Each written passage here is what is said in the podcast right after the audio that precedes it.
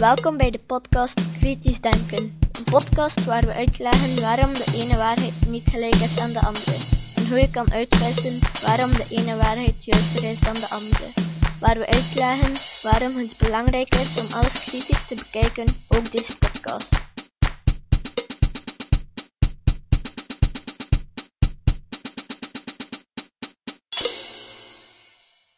Goeiedag, ik ben Jozef van Giel en dit is de twaalfde aflevering van de podcast Kritisch Denken. Ik wil nog Rick de Laat bedanken, die bij elke aflevering mijn scripts naleest en verbeteringen aanbrengt. Dit is het tweede deel rond homeopathie. Vandaag zullen we zoeken naar mogelijke verklaringen hoe homeopathie zou kunnen werken, kijken naar de gevolgen van de homeopathische wetten, onderzoeken waarom er zoveel mensen in geloven en de homeopathie toetsen aan logische misvattingen. Op mijn vorige aflevering kwam er een reactie dat Dr. Melanie Ennis in 2001 de proeven van Benveniste succesvol zou hebben overgedaan. Vrij snel heeft een andere bezoeker opgemerkt dat ook deze proeven ondertussen weerlegd zijn. Daar is een BBC-uitzending aan gewijd. Het was opnieuw James Randi die aantoonde dat de resultaten niet klopten. Hij had voor de uitzending beloofd dat een positief resultaat van de test zou betekenen dat Ennis de 1 miljoen dollar prijs van de James Randi Educational Foundation zou binnenhalen. Het is weer al niet gelukt. Een link naar deze uitzending vind je op mijn website. Ook op het discussieforum van SCEP wordt hier uitgebreid over getwist. En Willem Bets maakt er de opmerking dat het toch eigenaardig is dat de homeopathische websites de proeven van Ennis met de grote trom aankondigen, maar vergeten om de weerleggingen ervan ook te presenteren. Ook een link naar dat forum vind je op mijn website. Enkele pogingen van homeopaten tot wetenschappelijke verklaring. Eigenlijk is het grootste argument tegen de homeopathie niet dat er nog nooit is aangetoond dat het effectief werkt, maar wel dat het volledig tegenstrijdig is met onze kennis van de wetenschap. Het gevolg van het feit dat onomstotelijk zou aangetoond kunnen worden dat deze principes inderdaad kloppen, zou zijn dat men de volledige chemie en de fysica van nu zou moeten herbekijken. Homeopathie bevindt zich in de subatomaire wereld. Op een internetsite van een homeopathische vereniging in Nederland vond ik een artikel waar men probeert te verklaren hoe homeopathie werkt, ondanks het feit dat de verdunningen vaak geen enkele molecule van de werkzame stof meer bevatten, onder de titel Homeopathie. Heeft het iets te maken met subatomaire effecten? Volgens de homeopaten wel. Kort samengevat gaat het document als volgt. Men legt even uit dat er nog deeltjes zijn die kleiner dan atomair zijn hieronder de quarks, neutrino's en mesonen. Men verwijst zelfs naar het Europese Centrum voor Subatomaire Fysica, het CERN, in Genève. Door het krachtig en verticaal schudden, homeopaten staan erop dat het schudden verticaal gebeurt, worden er subatomaire interacties teweeggebracht tussen de subatomaire deeltjes van de werkzame middelen en de oplossing. Er wordt gesproken over het feit dat er per seconde duizenden elementaire deeltjes door ons lichaam vliegen en dat we hun interacties met ons lichaam niet kennen. Kwantummechaniek wordt heel veel misbruikt in de pseudowetenschappen, omdat het een wetenschap is die zeer anti-intuïtief is. In ieder geval kan het geschut daar onmogelijk iets mee te maken hebben. Het is belangrijk om te begrijpen dat versnellingen en zwaartekracht minder effect hebben op materie naarmate de massa kleiner is, met andere woorden, de moleculen in de oplossing voelen zelfs het potentiëren niet. De reden waarom ze in Genève voor onderzoek van de deeltjesfysica een enorme machine gebouwd hebben, met een omtrek van 27 kilometer, is dat atomaire deeltjes pas zenuwachtig beginnen te worden als ze tegen elkaar kunnen botsen met een snelheid die de lichtsnelheid benadert. De Brownse beweging in een oplossing, die het gevolg is van de warmte en zichzelf voordoet als het middel maandenlang stil in de kast staat, is veel groter dan de versnellingen als gevolg van manueel schudden. Het verticaal schudden is een al even foutief principe. Verticaal betekent eigenlijk loodrecht op de aantrekkingskracht van de aarde. Bij subatomaire deeltjes is de zwaartekracht te verwaarlozen ten opzichte van de elektromagnetische kracht. De sterke kracht en de zwakke kracht. Met andere woorden, het doet er niet toe of je nu verticaal, horizontaal of schuin schudt. Gevolgen van het feit dat de homeopathische wetten zouden kloppen. Merk op dat als de theorie van de homeopathie wel zou kloppen, we voor enorme problemen en ook voor zeer goedkope oplossingen staan. Het zou bijvoorbeeld betekenen dat een glas zeewater gelijk welke aandoening zou moeten kunnen genezen, aangezien alle stoffen gedurende de geschiedenis ooit in de zee geweest zijn, en de golven zorgen voor het potentiëren. Bovendien is het je zeker opgevallen dat om natriummuriaticum D30 te maken, je 29 andere preparaten moet maken waar je verder niets mee bent, of waarmee je de rest van de D29 kan gebruiken om nog 9 andere D30's te maken. De andere D28's kan je dan natuurlijk gebruiken om 9 andere D29's te maken, die op hun beurt voor 90 D30's kunnen gebruikt worden, enzovoort. Met andere woorden, één oertecticum is voldoende om medicatie te maken voor de ganse wereld, zolang ze bestaat. Maar omgekeerd staan we voor het grote probleem dat je onvermijdelijk gevaarlijke homeopathische middelen in de natuur vrijlaat bij het lozen van het overschot. Als homeopathie echt werkt, moet dit desastreuze ecologische gevolgen hebben, vooral als je bedenkt dat volgens de homeopathie een middel krachtiger wordt naarmate het verder verdund wordt. Door een vloeistof te zuiveren van gifstoffen wordt de homeopathische kracht alleen nog maar groter. Met andere woorden, zuiveringsinstallaties die maken het probleem alleen nog erger. Maar als je de homeopathische theorie doortrekt, dan is het maken van homeopathische geneesmiddelen volledig overbodig werk. Want door de stormen en winden op aarde wordt de lucht in besmette gebieden sterk geschud en dankzij de thermiek ook verticaal. En zo wordt geleidelijk aan de lucht van de ganse wereld een homeopathische verdunning van de griep. En welk product kan je ziektebeeld beter benaderen dan de ziektekiemen zelf? Aangezien we continu ademen, zullen we dus automatisch deze homeopathische verdunning opnemen en zouden we dus niet ziek moeten worden van de griep. De ervaring leert ons toch iets anders. Dus, wat maken de mensen zich tegenwoordig druk over de Mexicaanse griep? Waarom zoveel mensen erin geloven? De eerste reden waarom mensen zich zonder veel vragen te stellen homeopathische middelen innemen, grootste deel gewoon denkt dat het kruidengeneeskunde is. Erger nog, ik heb de indruk dat veel homeopaten hun patiënten bewust in die waan laten, omdat ze beseffen dat geen enkel weldenkend mens hun absurde theorie ernstig zou nemen. Natuurlijk zullen na dit betoog heel veel mensen staan te popelen om me van antwoord te willen zijn en me te vertellen dat ze zelf ooit genezen zijn van een ziekte dankzij de homeopathie. Meer nog, er zullen er zeker bij zijn die met verhalen zullen afkomen waarbij ze maanden of zelfs jaren een regulier middel namen zonder enig resultaat, en dan overschakelden op homeopathie om dan te genezen. Of hoe verklaar je dan dat homeopathie werkt op dieren? Weet je, ik geloof al die verhalen. Ik ben er zeker van dat de mensen die deze verhalen vertellen oprecht zijn, niet liegen en die ervaring echt gehad hebben.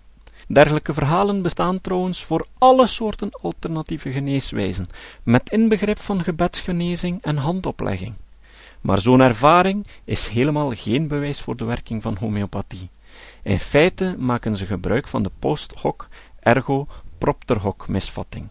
Het is niet omdat je geneest na het gebruik van homeopathie, dat je genezing ook het gevolg is van die homeopathie. Die problematiek op zich is een vrij complexe en ik zal hier dieper op ingaan in een latere aflevering waar ik de dubbelblinde proef zal bespreken en ook uitleggen waarom persoonlijke ervaringen geen bewijzen zijn. Logische misvattingen. Welke logische misvattingen worden er allemaal toegepast in de homeopathie? We hadden al de post hoc ergo proctor hoc misvatting. Een tweede is het autoriteitsargument. Bijna alle apothekers in België verkopen deze producten, en dat wordt door velen geïnterpreteerd alsof het een werkzaam geneesmiddel zou zijn. Apothekers hebben er toch voor gestudeerd en zullen het toch wel weten, zeker. De apothekers zullen dan ook altijd zonder veel commentaar aan de patiënten afleveren wat de homeopaat voorschreef en de discussie mijden. Ik ben dan ook van oordeel dat de apothekers hier een zware verantwoordelijkheid naast zich neerleggen en zichzelf degraderen tot simpele winkelier. Ten slotte brengt de homeopathie veel geld in het laadje. 3 is het magisch denken. Bij echte homeopaten moeten de flesjes met de hand geschud worden, alsof de moleculen in die fles de aanwezigheid van de mens voelen. Ook de theorie van Benveniste over het geheugen van water is een vorm van magisch denken. Het is alsof elke watermolecule zijn eigen persoonlijkheid heeft. Het moeten kloppen van de flesjes op een houten balk tijdens het potentiëren is ook magisch denken. Wat in het flesje zit, heeft geen enkele notie van de materialen buiten het flesje. Een homeopathiepatiënt heeft me ooit beschreven hoe een consultatie verloopt. De homeopaat gaf aan de patiënt een flesje in haar hand en vroeg om die arm te strekken. Terwijl ze dat deed, voelde de homeopaat de weerstand van de arm door het zelf naar beneden te duwen. Op basis van deze test werd beslist welk flesje het meest geschikte medicament was. Homeopaten stellen vragen over dromen, welk eten je op dat moment liefst eet, en zo verder. Ook dat is magisch denken. Ten slotte is het duidelijk dat denken dat de kracht van een stof sterker wordt naarmate je het meer verdunt, ook magisch denken is. 4. In het verhaal van de subatomaire wereld als verklaring voor homeopathie vind je nog twee misvattingen. Ad ignorantum. Men argumenteert dat men nog zoveel niet weet over die subatomaire wereld, dat de oplossing van de homeopathie daar misschien wel te vinden is. En dan 5. Het non sequitur. Men voert een heel moeilijke en geleerde theorie aan over de kwantummechanica, die echter volledig irrelevant is in heel de discussie. Ten zesde, merk op dat veel aanhangers van homeopathie in de eerste plaats argumenteren door te razen op de farmaceutische industrie die alleen op geld uit is. Dat is een logische misvatting van de soort bronvergiftiging. Maar het is ook belangrijk om aan te geven dat de homeopathische industrie ook een machtige lobby is, die er zelfs niet voor terugdeinst om universiteiten, politici en wetenschappelijke organisaties te manipuleren. Organisaties als Biohorma en Dr. Vogel zijn ook multinationals. Het grote verschil met de farmaceutische industrie is dat ze geen enkele corporatieve moraal hebben, maar enkel uit zijn op het uitbuiten van de goedgelovigheid van de onwetende en soms hopeloze patiënt. De pharma moet nog altijd de werking van hun middelen bewijzen voor ze op de markt mogen komen. Dat kost heel veel geld en neemt zo'n tien jaar in beslag. Dat men daar soms probeert vals te spelen is een feit. Zulke gevallen komen dan ook in het wereldnieuws en het berokkent grote schade aan het betreffende bedrijf. De homeopathie-multinationals moeten echter niets bewijzen. Het moeilijkste deel van hun productieproces is het kleven van een goedklinkend etiket op een flesje. Wat zegt de Academie der Geneeskunde over homeopathie? Zo pas heeft de Academie der Geneeskunde haar standpunt rond homeopathie hernieuwd. Ik citeer hier een stuk. Voor de volledige tekst kan je de link op mijn website volgen. Op pagina 5 schrijven ze: De Academie heeft zich vroeger reeds meerdere malen gebogen over het probleem van de alternatieve of complementaire behandelingen, onder andere over homeopathie. Daarbij heeft ze telkens beklemtoond dat evidentie omtrent de doeltreffendheid van de homeopathische behandelingen en geneesmiddelen onvoldoende is. De Academie meent dat het nuttig is nogmaals terug te komen op dit probleem gezien een aantal recente feiten. Het Koninklijk Besluit van 14 december 2006 van het Staatsblad van 22 december dat de Europese wetgeving omzet voor België en waarbij de mogelijkheid bestaat homeopathische geneesmiddelen te erkennen met toepassing van bijzondere regels voor de evaluatie van de resultaten van tests en studies die hun efficaciteit en veiligheid vaststellen. Ook de terugbetaling via aanvullende verzekeringen wordt aangehaald. Ook een internationaal congres van homeopathie in eh, België in 2008, Evidence-Based Homeopathie. Dan is er de blijvende interesse van de bevolking. De academie herhaalt dat de basis waarop de homeopathische geneeswijzen berusten, extreme verdunning, dynamisering door schudden, geen wetenschappelijke grond kent. Daarom dient, vooraleer men de geneeswijzen kan aanvaarden, voldoende evidentie omtrent haar doeltreffendheid te bestaan. Persoonlijke getuigenissen van tevreden mensen volstaan niet als bewijs voor de werking van een behandeling, omdat we niet weten hoeveel er probeerden, hoeveel er spontaan beter werden en hoeveel er niet beter werden. Kortom, of de behandeling beter is dan niets doen of placebo.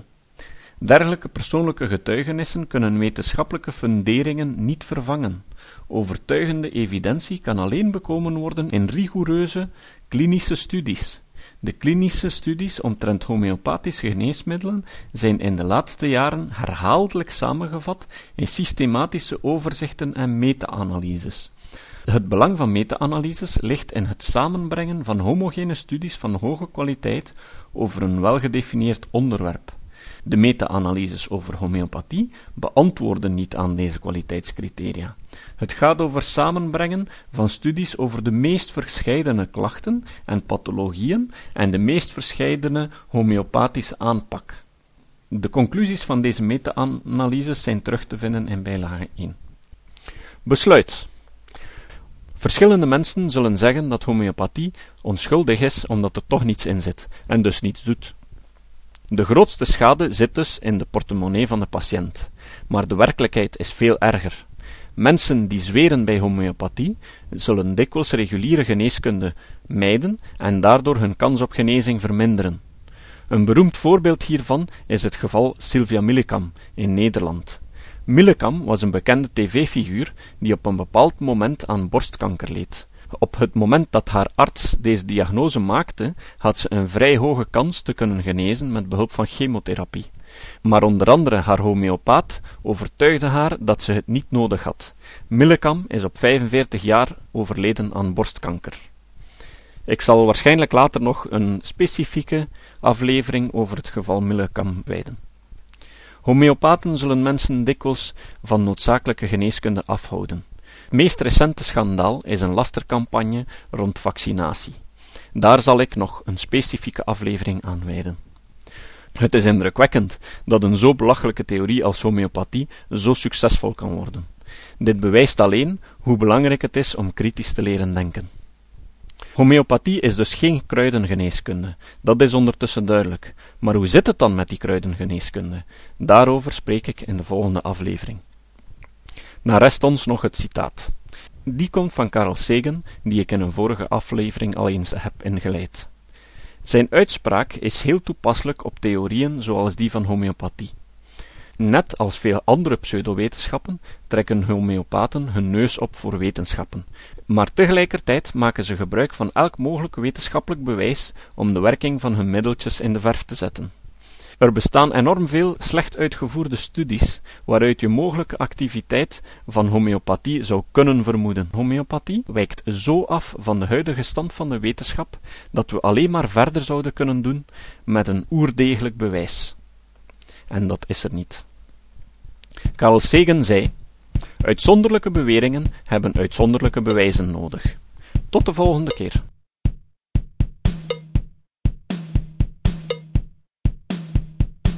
Dit was de podcast Kritisch Denken.